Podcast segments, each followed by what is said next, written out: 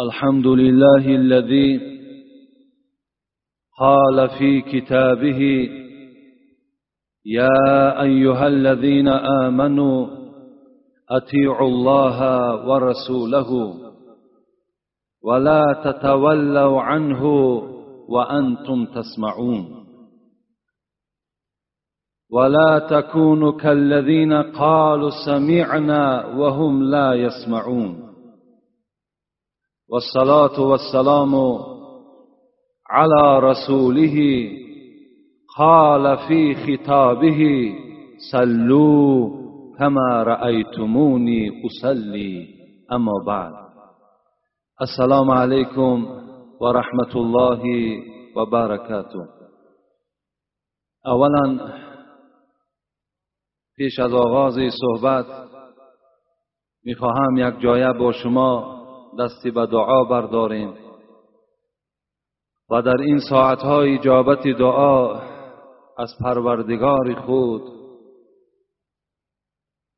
طلب کنیم تا که آن مقصود و مرامی که در دل داریم خداوندمان در این روز در این ساعت از ما و شما اجابت کند. خدایا اهل این جماعت ما را. هر مراد هر مطلوب هر مقصودی که در دل دارند. انک انت السمیع العلیم. خدای مهربان برآورده بگردانی. و خدایا گذشتگان این جمعیت ما را رحمت و مغفرت بگردانی. خدایا بیماری های این جمعیت ما را شفای کامل و شفای عاجل نصیب بگردانی. بندگانی که خدایا مبتلای قرضند خدایا قرضهاشون کنده بگردانی.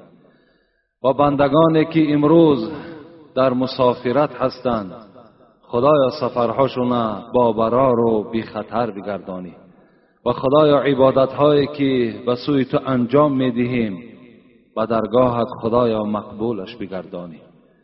ربنا فاغفر لنا ذنوبنا وكفر عنا سيئاتنا وتوفنا مع الأبرار. برحمتك یا أرحم الراحمین پیش از آنی که به مسجد می آمدم پیش راه ما را سه خواهری اسلامی گرفت. و با آب چشم از ما یک سوال کردند که سوال این خواهرها این بود که با این قوم جمعی که خیلی زیاد در مسجد جمع می شوند یک جای دعا کنین که تا که خداوند روز را بالای ما بیارد که ما هم در نمازهای جمعه اشتراک کنیم. و البته ما به این خواهرها خبر دادیم که انسان باید ناامید نباشد. انشاءالله ساعتش می آید که شما هم در نمازهای جمعه آزادانه آمده اشتراک می‌کنید. و الحال اگر شوهردار باشین تا صادر شدن این قانون خدمت شوهرها را کنین الله ثواب همین جمعه را شما می‌گیرین. و اگر شوهر نداشته باشین خدمت پدر و مادر کنین الله شما ثواب این جمعه را نائل می‌شوین.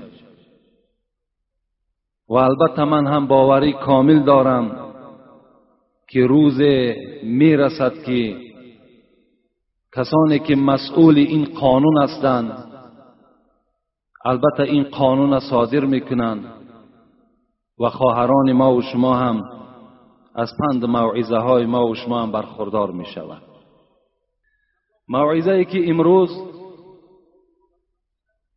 در این جمعه چگونه ای که جمعه پیشین خبر دادیم که صحبت می‌کنم این نماز است که با تکلیف چندین برادرانی که در این مسجد ما و شما نماز می‌خوانند تکلیف ها کردند که در باب نماز در باب فضیلت نماز و کسانی که نماز نمی‌خوانند چی وعیدهای خداوند و پیغمبر است به ما خبر بده الحمدلله که این ساعت به ما و شما دست داد و خدا خواسته باشد در دوام یک ساعت آن چیزی که خداوند و پیغمبرش به ما و شما خبر داده است به سمع شما میرساند. نماز این ستون دین است. همه ما و شما ستون می‌دانیم. هیچ عمارت به پایه نمی ایستد هر یک چیزی دنیا به خود یک پایه دارد. نمازم پایه دارد. اسلامم پایه دارد که پایه اون نماز است. نماز ستون دین است. نماز این نور مؤمن است. نماز این چراغ قبر هست. نماز این تاج مؤمن در روز محشر است. نماز این مهر حورهای جنت است.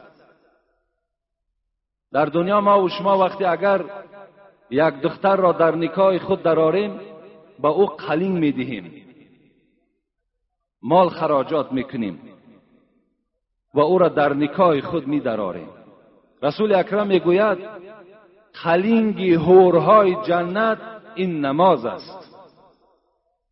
نماز این کلیدی بهشت است.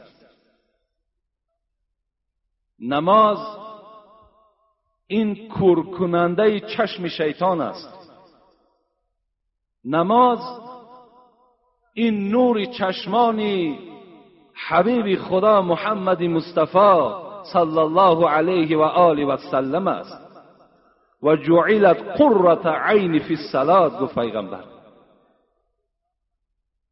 نماز این برکات عمر ما و شماست نماز این فراوانی ریسک در خاندان ما و شماست نماز این جدا کننده بین مسلمان و بین کافر است. نماز این یراق مسلمان علیه کافر است.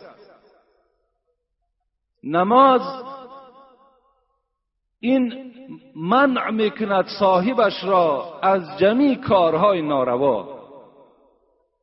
الصلاة تنها عن الفحشاء والمنکر. خدا می‌گوید. نماز صاحب خودش را از همه کارهای ناروا منع می‌کند. نمی‌گذارد که صاحبش دست به جنایت زند. دست به کردارهای ناخوبه که شریعت او را منع می‌کند این نمازخان دست به او جنایت زند. نماز این با احترام و با حرمت میکردگی صاحبش هست چی در دنیا چی در آخرت؟ و از همه مهم از همه مهم این که نماز این رضاگی خالق ما و شماست. از نماز ما خداوند خوشنود می شود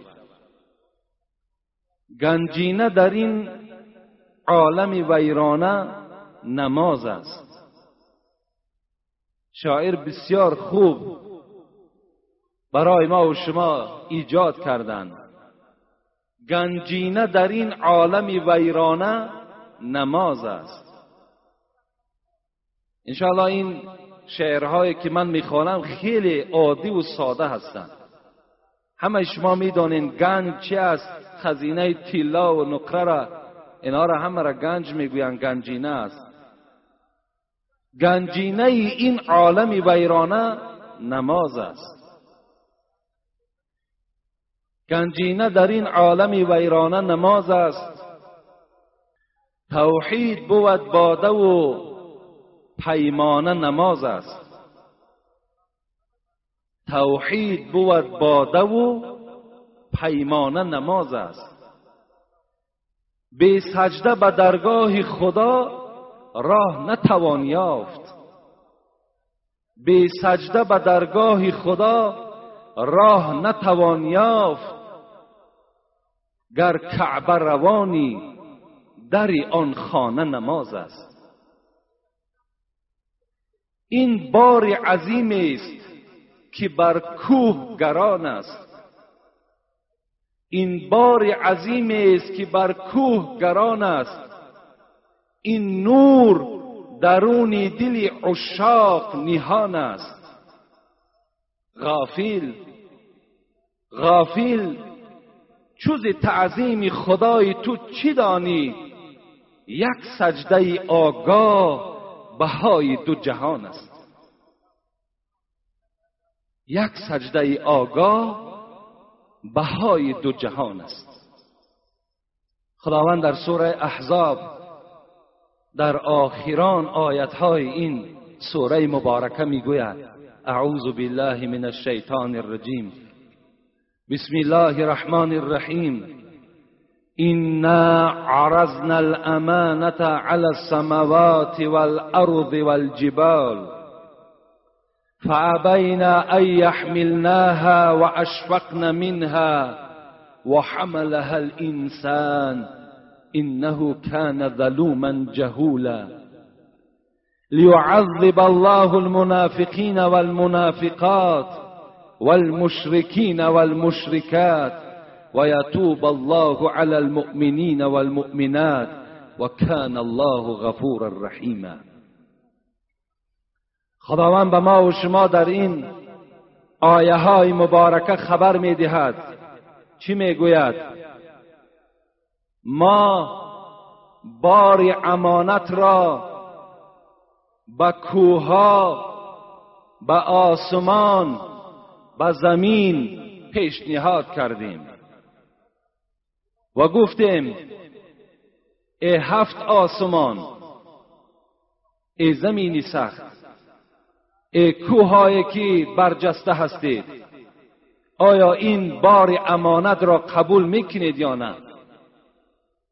زید ابن اسلمه حضرت مالک روایت می‌کند که الامانت سلاستون امانتی که پروردگار گفته ایستاده است که ما این را در آسمان و زمین کوها پیشنهاد کردیم که امانت را قبول می‌کنید.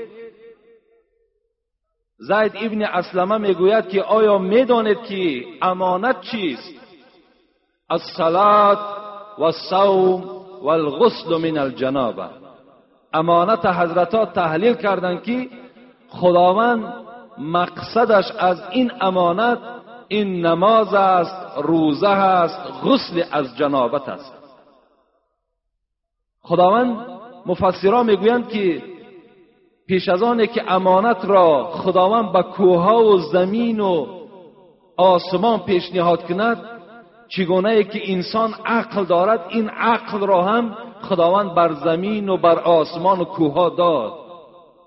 بعد خداوند این امانت پیشنهاد کرد که آیا همین نماز قبول می‌کنین یا نه؟ فابین ان یحملناها و منها. خداوند می‌گوید وقتی ما نماز در این کوها که پیشنهاد کردیم آسمان را پیشنهاد کردیم این زمینی پهنی که حد و کنار ندارد وقتی پیشنهاد کردیم فابین ان یحملناها ایبا کردن سر کشیدن نه از جهت مخالفت بلکه از جهت مخافت بود. این از حساب ترس بود قبول نکردن گفتم پروردگارا این عبادتی که به ما پیشنهاد می‌کنید چی معنی دارد؟ چی است؟ خداوند چی گفت؟ این احسنت جوزیت و این اسعت عقبت. گفت ای اهل کوها ای اهل زمین این عبادت من این گونه عبادتی هست که اگر ادا کردین من در عوض این برای شما نیکی می نویسم و در بدل این شما را وارد جنت می‌کنم. و اگر شما قبول نکردید و ادا نکردید من شما را عذاب می‌دهم. کوها آسمان و زمین از این عبادت از این امانت رو گردانیدن از حساب که مبادای که ما ترک سازیم و در عقوبت خدا گرفتار شویم. اونها چیکار کردند؟ پوش گردانیدن و قبول نکردند. آسمان بار امانت نتوانیست کشید. حافظ می‌گوید. آسمان بار امانت نتوانیست کشید. قرعه فال به نام منی دیوانه زدند. در دوامش خداوند می‌گوید و حملها الانسان انه کان ظلوما جهولا. لیکن این امانت را این نماز را وقتی ما به آدم پیشنهاد کردیم آدم قبولش کرد. گفت پروردگارا من قبول کردم. حضرت عبدالله ابن مسعود نزد پیغمبر خدا آمدند و می‌گوید از پیغمبر خدا پرسیدم یا رسول الله ای عملی احب الى الله تعالی؟ ای پیغمبر خدا من می‌خواهم که از زبان مبارک شما بفهمم که کدام عمل در نزد پروردگار محبوب ترین عمل به حساب می رود از همه عمل دیده کدام عمل در من چند زنم که در نزد خداوند محبوب به حساب می روم اینی صحابه های پیغمبر آن عملهایی که به سبب کردنش در نزد خداوند محبوب می شدن اون عملها را جستجو می کردن که با کدام راهها با خداوند ما نزدیک شویم. با کدام راهها محبوب پروردگار شویم. چگونه ای که امروز این بندگان فقط و فقط در تلاش دنیا هستند در تلاش عملهای ناخیر ناسواب هستند صحابه های دوره پیغمبر از این عملها ثواب می‌کردند که پیغمبری خدا محبوب ترین عمل در نزد خدا کدام عمل است. زیرا آنها می‌دانستند که وقتی که اگر خداوند آنها را محبوب خود گرداند البته به البته این یک شرف است. این یک نعمت کلان است که وقتی بنده را خداوند دوست می‌دارد. إذا أحب الله عبدا نادى جبرائيل إن الله يحب فلانا فأحبه فيحبه جبرائيل. فينادى في أهل السماء إن الله يحب فلانا فأحبه. پیغمبر خدا میگوید وقتی که بنده ای را که خداوند دوست میدارد در حال جبرائیل فریاد می‌زد است جبرائیل نزد من بیا. تو میدانی که من فلانی ابن فلانی را که در زمین زندگی دارد من وی را دوست میدارم. فاحبه جبرائیل تو که ملائک مقرب من هستی تو هم وی دوست بدار. فیحبه جبرائیل پیغمبر خدا گفت وقتی که این فرمان از نزد خداوند که جبرائیل می‌گرفت است که تو هم وی دوست بدار در حال می‌گفت است پروردگارا مادام که اون بنده را که شما که دوست بدارین تو که دوست بداری ما هم دوستش داشتیم. بعد از آن جبرائیل چیکار می‌کرده است؟ در همین آسمان کلان در بین تمام ملائکه ها فریاد می‌زد است که ای جمع ملائک الحال خداوند محبوب بودن خودش را با فلان بنده در نزد من آشکار کرد. از این خاطر همه شما اهل زمین ای اهل آسمان فلانی را دوست بدارید همه اهل آسمان همون بنده را دوست می داشته ثم یوضع له القبول فی الارض رواه مسلم. این حدیث مسلم است. بعد از آن جبرائیل بر تمام اهل آز زمین هم ندا می کرده است. که خداوند در دل همه بندگان محبت همون فلانی را چکار می‌کرده است جایگیر می‌کرده است که حتی که مردم هم همون بنده را دوست میداشته اگر الله شود از بنده راضی به او یار است استقبال و ماضی. البته کسی را که خداوند دوست داشت هم دنیا و هم آخرتش برای او چی است؟ نیک است. حضرت عبدالله ابن مسعود گفتن پیغمبر خدا برای من خبر بده کدام عمل از همه ده عمل محبوبتر به سوی خداوند است. رسول اکرم اولین عملی که نام گرفتن چی بود؟ الصلاه علی وقتها. محبوبترین عملی که در نزد خداوند قدر دارد قیمت دارد ای عبدالله این نماز در وقتش خواندن است. افسوس که امروز مردم مسلمان خواندن نماز یک جانب وقتی نماز نمی‌داند وقتی نماز نمی‌داند که وقتی نماز کی می شود خداوند در قرآن در سوره نیسا به ما و شما می‌گوید فاقیم الصلاه این الصلاه کانت علی المؤمنین کتابا موقوتا. ما نماز به تمام بندگان خود فرض گردانیدیم. و برای هر یک نماز وقتی معین جدا کردیم. یعنی هر یک نماز به خودش وقتی دارد. باید که هر یک نماز ما و شما در وقتش ادا کنیم. امروز اکثری سوال ها و اکثری مراجعت هایی که هست در اکثر مسجد ها در وقت هیچ کس رعایه نمی‌کنه. اندک از شما میگذرد در حال نمازی خفته نمی‌خوانند حالا که شما آگاه باشین که خداوند احتیاج به نماز شما ندارد ما و شما هر عبادتی که می‌کنیم برای جان خودمان می‌کنیم برای راحتی خودمان در آخرت می‌کنیم رسول اکرم می‌گوید بهترین عمل محبوبترین عمل در نزد خداوند این نماز در وقت خودش خواندن است ثم ایون یا رسول الله عبدالله دوام دادم پیغمبری خدا. بعد این عمل باز کدام عمل در نزد خدا محبوب تر است. رسول اکرم گفتم بر الوالدین با پدر و مادر نیکویی کردن. کسی که پدر و مادرش راضی می‌کند کسی دعای پدر و مادر را می‌گیرد رسول اکرم می‌گوید که این انسان در نزد خداوند محبوب به حساب می‌رود. شما محبوب خدا هستین کدام زمان؟ زمانی که اگر نماز در وقتش می‌خوانین و پدر و مادر از خودتان راضی میگردانید.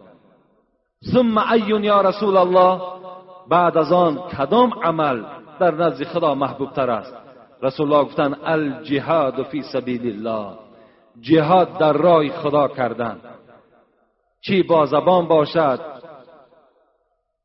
چی با دست باشد؟ در راه خدا خدمت کردنم.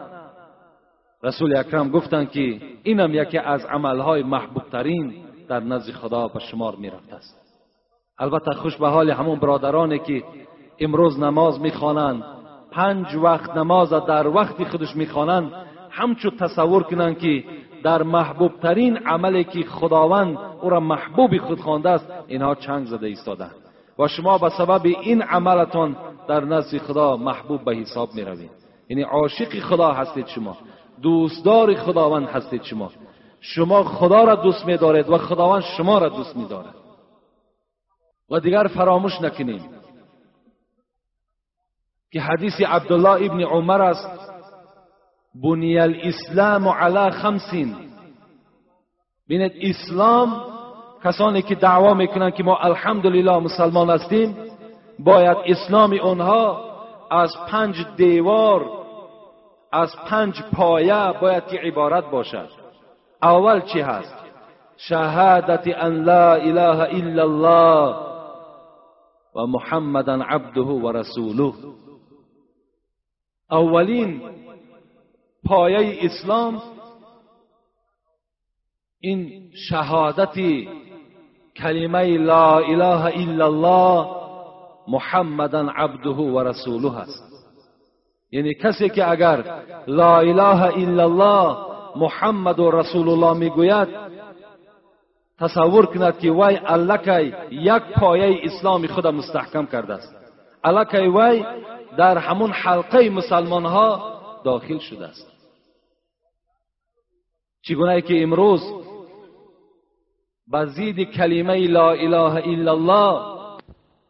رفته ایستاده است. یعنی همین نصرانی هایی که امروز در کلاب ما و شما و بیرون از شهر ما و شما تبلیغ های نصرانی دارند اونها زید کلمه لا اله الا الله هستند زیرا اونها یگانگی خداوند اقرار ندارند اونها بلکه در ذات پروردگار فرزند داخل می‌کنند مادر داخل می‌کنند چه حضرت عیسی را چه مادر حضرت عیسی را. روز به گوش ما یک خبر آمد که در میکرریان با دست همین مردم تاجیک ما و شما در همین سلفنایی که بیستیرمایی که داریم پر از لباس و ده سامان در بالاش در هر خانه می درآیند می دهند با یک کتاب حضرت عیسی. این تبلیغ نصرانی ها هست. باز مردم ما چی گفتن؟ گفتن خیلی فرقش یا که اینا هم خدا میگن اونهاش هم خدا میگن. لیکن چشم اونها را همون چال لباسی کافیره که با یک تنه نجاست آلوش پوشیدگی است همون چشماشون کور کرده است. فکر می‌کنن تمام. با همین اکن آخرت هم خریدیم. لیکن همه شما برادرای عزیز خیلی باور کنین بیدار شوین. خیلی زیرک باشین. با صد سامان و دو صد سامان و صد دلار و دو صد دلار او دنیا و قیامت تان نفروشین. بسیار خطری کلان دارد. به نهایت خطرش کلان است. شما حق دارین که همون سیدکه را در سرش می‌زنین از نزد خانه پیشش می‌کنین اونا نه مهمان حساب می‌خورن نه در قطار انسان ها داخل می‌شوند. اونا کسانی هستند که ان همین فضای آرام تاجیکستان نارام می‌کنند. اونا برادر تر نصرانی می‌کنند و خود تر محمدی می‌کنند و هر ما و شما را جنگ میاندازند برای ما و شما چی لازم دیگر؟ از همین اسلام ما و شما چی صح و چی خطا دیدیم؟ که چند بعد دین نصرانی می‌زنیم. از همه خطر کلانش انا همین روز انا این است که عاقبت بعد سه سال و پنج سال باز در همین مملکت ما و شما از حساب همین پلیدها باز یک جنگ دیگر تیار است. امروز هر کس که اگر دوستدار تاجیکستان است هر کس که همین آرامی تاجیکستان را می‌خواهد بجوز دین اسلام دیگر همش باور کنید دشمن تاجیکستان هستند. امروز مردم تاجیکستان همین رویه و همین دین قبول دارد. دیگر اختلاف ها در بین ما چی در کار؟ چی در کار ما در شیعش چی در کار ما در نصرانیش؟ الحمدلله که ما مسلمان هستیم از ابو حنیفه چی غلط چی خطا دیدند که امروز سوال در پیش من است مذهب چی در کار ترا صدقه مذهب کند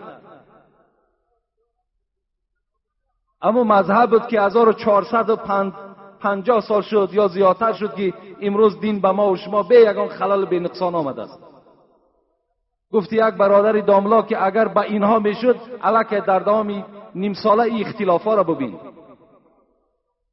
یکم کلمه شهاد یکم پایه اسلامی ما و شما این کلمه لا اله الا الله محمد و رسول الله هست دوم چی است؟ دوم پایه اسلامی ما و شما و اقام الصلات. دوم پایه اسلامی ما و شما.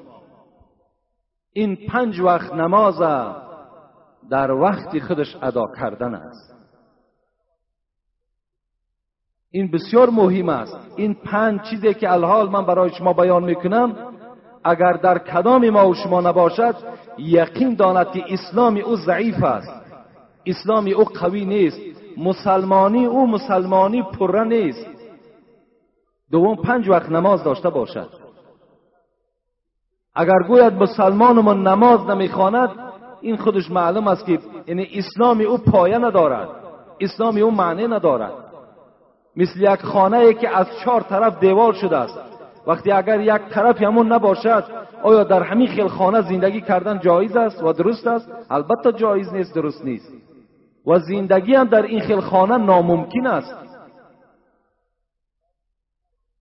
و سوم سوم پایه اسلام ما و شما و ایتاء زکات رسول اکرم گفتند سیوم پایه اسلام شما این دادن زکات است. من جمعه پیشین گفتم کمی در این باب شما صحبت می‌کنم زیرا که امروز ممکن که زکات قریب که از بین نابود شده است. حالا که رسول اکرم می‌گوید از زکات قنطرت الاسلام زکات این یک کپروک اسلام است. بین هر جایی که اقام الصلات می آید اطاع زکات از پسش می آید. هر جایی که خداوند امر می‌کند که نماز خوانید از پسش حتمی امر است. زکات مال هم دهید حسینو اموالکم بالزکات پیغمبر می‌گوید. شما ای مردمی که دولت دارین سولت دارین. شما مالهاتون با زکات محافظت کنید یعنی شما می توانید که از دزدها و می توانید که از شکستن دولتان فقط با زکات پیشگیری کنید. اگر وقتی شما از مال خود زکات می دهید این معنای او را دارد که شما در نزد دولتتان پاسبان آورده ماندین. دیگر مال شما را انا همون زکات شما چکار می‌کند؟ محافظت می‌کند. در حدیث های پیغمبر می آید که و من لم یزکی فلا صلات له. کسی که اگر از مالش زکات نمی‌دهد همچنان است که وی نماز در نزد خدا ندارد. اگر نمازم که خواند زکات ندهد در نزد خدا نمازش قبول نمی شود من یمنع الزکات عند الله بمنزلت اليهود و النصارا و من یمنع العشر عند الله بمنزلت المجوس. پیغمبر خدا گفتند کسی که اگر در دنیا زکات نمی‌دهد از مالش در نزد خداوند چی مرتبه دارد؟ مرتبه یهودی و نصرانی ها را دارد. کسی که اگر از زمینش عشر نمی‌دهد آدم هایی که با زمین سر کار دارند اگر اینها از زمین هاشون عشر ندهند عند الله بمنزلت المجوس حکم آتش پرست را دارند آتش پرست یهودی نصرانی در نزد خدا کافر هستند. کسانی که از مال زکات نمی‌دهند از زمینشان عشر نمی‌دهند نزد خداوند پیغمبر خدا گفت حکم اینها حکم کفر هست. هزار دلار. هزار دلار داری؟ یک سال. همین سوم در دستی تو بود. کم نشد. بلکه زیاد شد. از هزار دلار بیست پنج دلار بته نه پولی مشکله نه اونقدر پولی کلانه. اگر مالدار باشین از سی گاو یک گاو. طبیع او طبیعتون می‌گوید. یعنی یک گاو یک ساله خواه ماده باشد خواه نر باشد. اگر چیل گاو داشته باشین موسین او موسین نتون یک گاوی ماده یا نر سه ساله باشد از چیل گاو. اگر چیل بوز و گوسفند داشته باشین یک گوسفند دهین. سبکی را بینین؟ اگر یکصد و بیست یک گوسفند شود دو گوسفند دهین. اگر دو صد و یک گوسفند شود سه گوسفند دهین اگر چهارصد گوسفند شود چهار گوسفند دهین چهارصد گوسفند چهار گوسفند دهین تا چنده که مال بالا رفت بالا رفت این حکمت دارد. آدم تا چند بخیل می شود. تا چند مال زیاد جمع شد تا چند مغرور می شود. تا این خداوند چند مال بالا شد همون قدر زکاتی او را عشر او را کم می‌کنه. خداوند در قرآن سوره توبه چی می‌گوید؟ والذین یکنیزون الذهب والفضه ولا ينفقونه فی سبیل الله فبشرهم بعذاب علیم کسانی که در دنیا مال و اسباب و انجام و و دیگر گاو و مالشون جمع می‌کنن و به مردم عشر و زکات نمی‌دهند به آنها خبر بدهین به عذاب دردناک در روز قیامت. کسی که اگر در دنیا مال مال و چه از پول و چه از چاروا جمع می‌کند یا چه از زراعت هاشون جمع می‌کنن و به مردم عشر نمی‌دهند زکات نمی‌دهند خدا فبشرهم بعذاب علیم. اونها را خبر بتین بشارت چون بتین با یک عذاب دردناک در روز قیامت.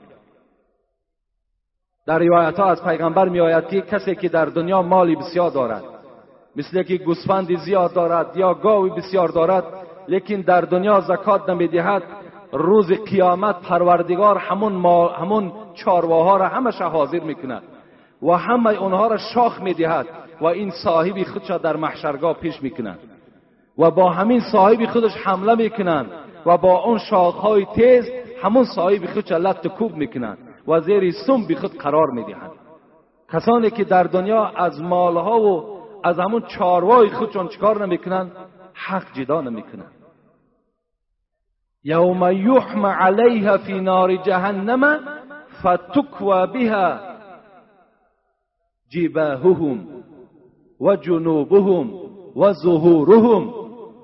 خداوند در دوام این آیت می‌گوید. روز قیامت این مالهای شما را این پول و مال شما را ما با همون آتش ها مبدل می‌کنیم و با این تیلا و نقره و مال و پول شما ما پهلوهای شما را میسوزانیم. ما پیشانی های شما را میسوزانیم. ما پشت و کمر شما را میسوزانیم. با این مالهایی که در دنیا شما جمع کردیم. و از این چکار نکردین؟ زکات ندادیم خوش به حال همون برادرانی که امروز البته از مال خود زکات می‌دهند از زراعت های خود زکات جدا می‌کنند. و این قله در عباره مختصر میاد که اگرچه زراعت شما کم هم که گیرد باید از ده کیلا یک کیلا شما عشر جدا کنید. چه از میوه های خانه باشد چه از میوه های عدیر باشد فرقی ندارد. هر یک میوه که در خانه ما و شما می‌گیرد از ده کیلا یا از ده دانه یک دانه از ده کیلا یک کیلا باید ما و شما جدا کنیم. باید حق اینها را به مسکین و فقرا و بیچاره و آدمهایی که محتاج هستند به آنها برده دهیم. امروز باور کنین مسجدها احتیاج زکات دارند مکتبها هم احتیاج زکات دارند همه مؤسسه ها احتیاج به همون زکات دارند خوش به حال هم برادرانی که امروز چه از مسجدها دستگیری می‌کنند چه از مکتبها دستگیری می‌کنند چه از همون صغیر خانه هایی که هست چه از اونها دستگیری می‌کنند. انشاءالله مال اینها هم تازه می شود شما تصور کنید که اگر مالی که شما دارین از او زکات جدا نمی‌کنین چی خوک حرام است چی همون مالی داشتگی شما حرام است. مالی که اگر از او زکات جدا نشود وی خوردن او برای شما حلال نیست دیگر فقیه های ما و شما می‌گویند که تصور کنین که همین مال را که تا اگر گردنی را ذبح نکنین باقی مانده تنی او بر شما حلال نمی شود اگر همین مالی را که از زکاتون جدا نمی‌کنین باقی مانده مال برای شما حلال نمی شود اون مال چی همون حرام حرام کرده خدا چی این مالی که شما جمع کردین هر دوش بد برابر است سوم پایه اسلامی ما و شما این دادن زکات است که باید ما و شما از مال خود زکات دهیم. چهارم چی هست؟ چهارم این حج است. بینین از همین پنج پایه اسلام شهادت دادنش برای همه هست. نماز خواندنش برای همه هست. چی شاه باشد چی گدا باشد چی بیمار باشد چی تندرست باشد. لیکن دادن زکات فقط برای آدمای ثروتمند هست. کسانی که دست دارند دست رسا دارند پول دارند در گردن آنها فرض است که باید که زکات دهند. و چهارم ارکان اسلام این حج است. حج هم در زیمه همه نیست بلکه در زیمه آن کسانی هستند که مال بر نصاب دارند یعنی با دولت هستند. رسول اکرم می‌گوید من مات ولم یحج فلیموت انشاء یهودیا و انشاء نصرانیا کسی که اگر دولت دارد مال دارد لیکن حج نمی رود می‌گوید حج کجا میرم؟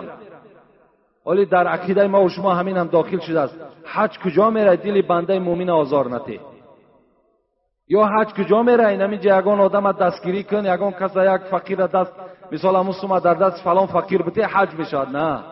با دادن این خیر احسان اگرچه در گردن شما آدمای دولتدار خیر احسان کردن هم که فرض باشد لیکن حج هم فرض است. با دادن خیر احسان و به معامله خوب از گردن شما حج ساقط نمی شود رسول اکرم می‌گوید که من مات ولم یحج. کسی که اگر از دنیا میگذرد و حج نمی‌کند بازم این که وی پول دارد مال دارد فلیمت انشاء یهودیا و انشاء نصرانیا بس وی مرد است هلاک شده است در دین یهودی و در دین نصرانی. کسی که دولت دارد سهولت دارد وی اگر حج نکرد و یعنی از دنیا ایمان نمی‌برد گفتم پیغمبر خدا. من خرج من بیته حاجا او معتمرا و مات. اجری له اجر الحاج والمعتمر الى یوم القیامه پیغمبر خدا گفت که اگر کدام حاجیه که از خانه برآمد به اراده حج کردن خواست که به حج رود. در این اسنا خواه از خانه بیرون وفات کرد یا در راه وفات کرد. این تا حال تا سمالیات سوار نشیدن اگر از دنیا گذشت رسول اکرم چی گفتند گفتند که با این آدمی که اراده حج کرده است تا روز قیامت هر سال که حاجی ها حج می روند یک حج یک عمره در نامه اعمالش خدا می نویسند کسی که از خانه اگر می براید به اراده حج خواد در راه در صدمه راه دوچار می شود خواد در راه بیمار می شود می مرد یعنی تا روز قیامت پیغمبری خدا گفتند یک حج یک عمره خدا در نامه اعمالش هر سال می نویسد و این بنده روز قیامت از گروه حاجی ها سر می بردارد که به همه ما و شما معلوم است که خداوند در قرآن می‌گوید مکافات حاجی در روز قیامت جنت جاویدانی هست. هر کسی که اگر حج می‌کند هر کسی که مبلغ صرف می‌کند این موضع مقدس می رود و گشته آمده. فعل اخلاقش دیگرگون می شود باز ایمانش کاملتر می شود اینها را مکافات رسول اکرم گفتند که و خداوندم گفته است که جنت جاویدانی هست. و کسی که از خانه گفت پیغمبر خدا بیرون می شود و مات فی احد الحرمین. اگر در یکی از حرمین از دنیا میگذرد. حرمین گفته هم مکه مکرمه را خانه کعبه را حرم می‌گویند هم موضع پیغمبر خدا جایی که خوابیده است در مدینه ایرم حرم می‌گویند. اگر رسول اکرم گفت که حاجی که از خانه برآمد اگر در مکه از دنیا بگذرد یا اگر در مدینه از دنیا گذرد این مکافاتش چی است؟ لم یحاسب یوم القیامتی. روز قیامت این توده مردمی که در سوال و جواب راست می‌شوند این بنده ای که در یکی از این حرم ها از دنیا گذشته است برای این حساب نیست. برای این آدم در قیامت هیچ حسابی ندارد. این خداوند چی می‌گفته است؟ ادخل الجنت رو تو وارد جنت شو. زیرا تو به نهایت یک اراده خوب کردی. هست برادرای ما و شما. دولت دارند مال دارند لیکن حج نمی روند یا از راه می ترسوند یا که از خراجات پولشان می ترسند یا که امروز بعض بدعت هایی که در ما و شما پیدا شده است که بسیاری حاجی ها را ترسان کرده است قریب بگیم یک ماه بعد آمدنش خانه همون را دیگه مردم ترک نمی‌کنه یک ماه خانه همو در هجوم فقط برای خوردن.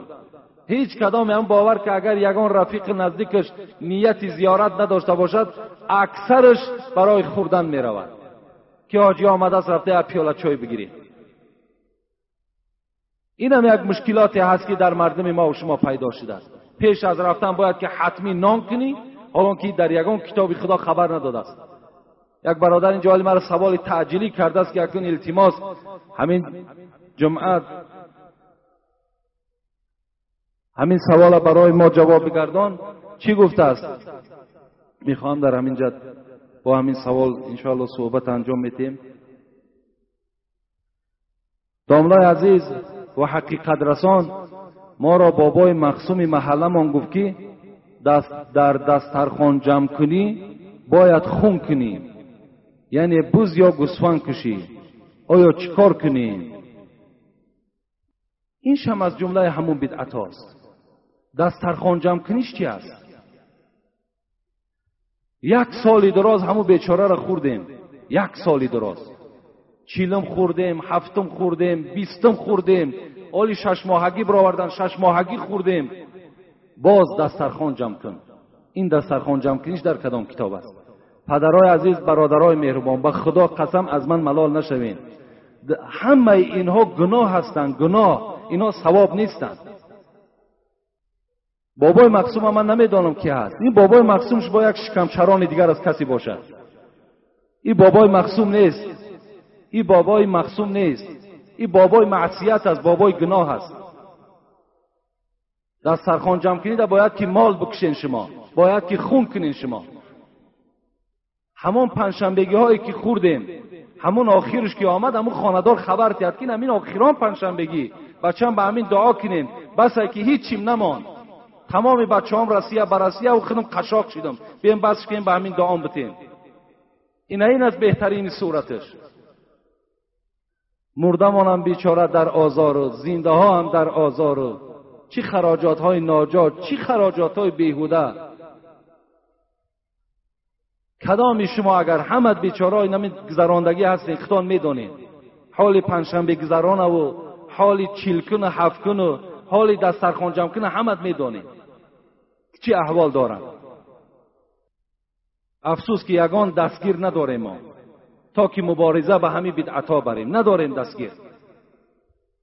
Дилмон месӯзад бечора бовар кин як ҷавон меяд гирья мекунад.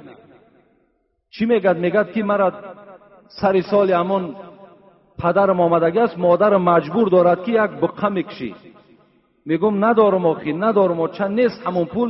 Мегӯяд дорӣ надорӣ ҳазор ҳамсоя ба мо механдад برای یک مال بکش که بسیار ناخوب می‌شود. همسایه بخندد میلش لیکن غضب خدا را ما و شما تماما پروا نداریم که خدا بالای ما غضب می‌کنه خدا در قرآن میگه لا یکلف الله نفسا الا وسعها. همین خدای مهربان خالق که همه ما و شما. هیچ بنده را از قوت زیاد دیدم و تکلیف نمیتون. قد قوتش لیکن ما و شما یک دیگر را چیکار کردیم امروز؟ تله و تاراج می‌کنیم. دسترخوان تا جمع کن که فلانی گفته است که باید مال بکشی.